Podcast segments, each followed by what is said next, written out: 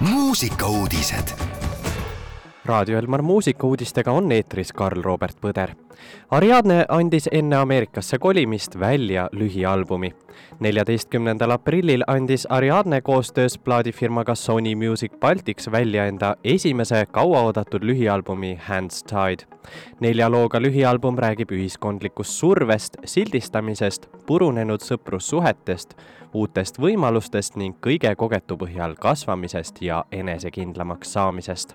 Ariadne enda sõnul on raske seda albumit ühe sõnaga kokku võtta, kuna tegu on väga mitmetahulise popmuusika albumiga, kus ta katsetas varasemast rohkem žanrite ja piiridega laulja abikaasa, mänedžer ja kaasautor Martti Hallik on öelnud, et tal on siiralt hea meel, et nii tugevad lood on ühte kogumikku jõudnud ning tal oli au selle loo protsessis autorina kaasa teha.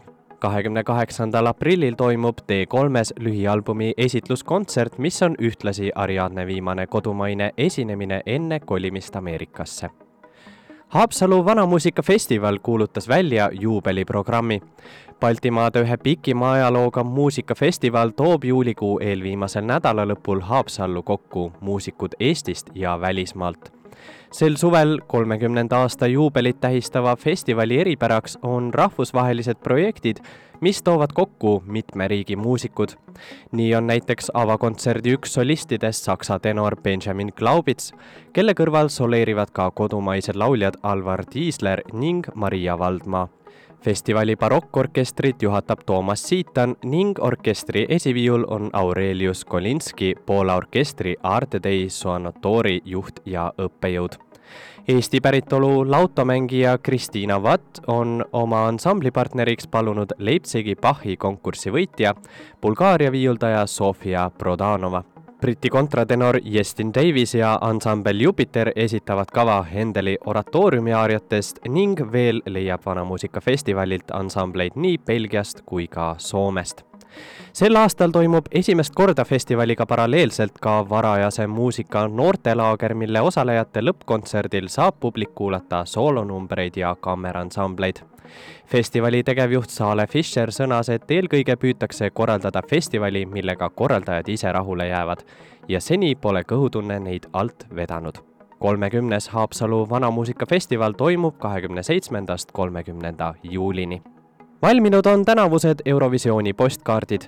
tänavu Eurovisioonil osalevaid artiste tutvustavad postkaardid võeti üles saja üheteistkümnes kohas üle Euroopa iga postkaart näitab vaatajatele killukest Ühendkuningriigist, Ukrainast ja võistlevast riigist.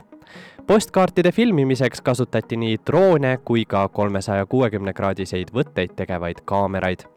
iga postkaardi kolm asukohta on valitud välja teemade järgi, näiteks reisitakse parkidesse, lossidesse, randadesse ja sadamatesse postkaartide muusikaline kujundaja on Kiievis elav muusik ja helilooja Dmõtro Šurov ansambel Revals avaldas uue heatujulise laulu. emakeelt au sees hoidev ansambel Revals avaldas kevadiselt hoogsa pala pealkirjaga Teraapiline laul. loo sõnade autor Rait Sohkini ehk Soku arvates on paljusõnaline eneseabi ülistamine tõmmanud vaevuaimatava piiri tõsiseltvõetava abi ning pseudoesoteerika vahel. usun, et muusika on kõige käepärasem ravim mis tahes vaevuse vastu, on laulumees veendunud loo autoril, Hollandis resideeruval Tarvo Valmil jätkub energiat nii omanimeliste projektide jaoks kui ka paljude teiste artistidega koostööks. teraapilise laulu videos olev niinimetatud energiaring on masinavärgi tiimi poolt filmitud kolmesaja kuuekümne kraadise kaameraga ning äh, kui videos telefoni või hiirt liigutada, näeb vaataja, kus ja kuidas Revalsi muusika sünnib minge ja vaadake kindlasti üle ka loo video ja näete siis seda paika, kus äh, Revalsi lood valmivad. mina panen siit aga selle heatujulise loo nüüd mängima ning toogu see teile kõigile hea laupäevase tuju. muusikauudised igal laupäeval ja pühapäeval kell kaksteist, viisteist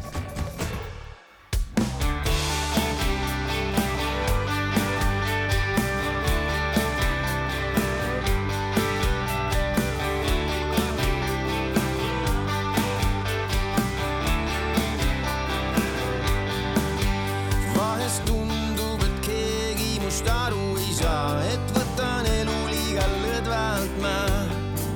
ei viitsi mõelda ka, et mis homme saab, tuleb see, mis tulema peab.